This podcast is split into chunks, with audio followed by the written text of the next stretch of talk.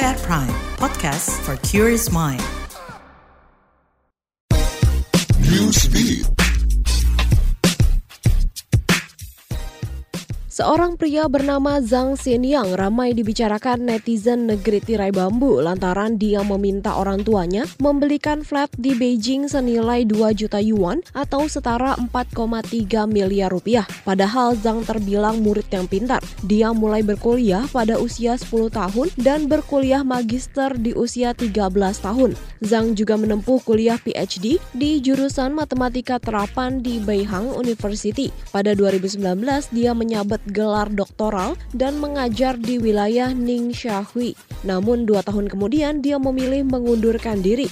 Pilihannya jadi pengangguran sebab duduk-duduk dan tidak melakukan apa pun dianggap sebagai kebahagiaan seumur hidup. Kisah pria ini pun viral dan jadi perbincangan netizen di Tiongkok.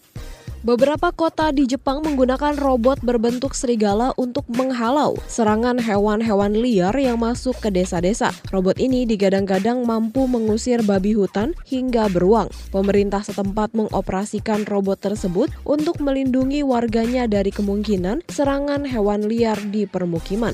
Tak sekedar melindungi, robot serigala ini juga bertenaga surya dan mampu membantu masyarakat melindungi lahan-lahan pertanian.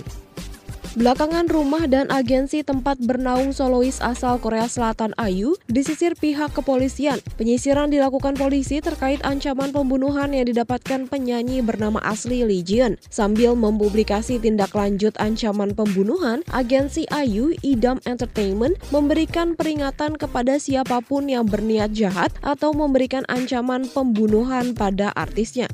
Idam mengaku tidak akan mentoleransi siapa pun yang membahayakan artis yang di bawah naungannya. Usai ancaman, Idam juga memperketat keamanan dari solois dan aktris Ayu.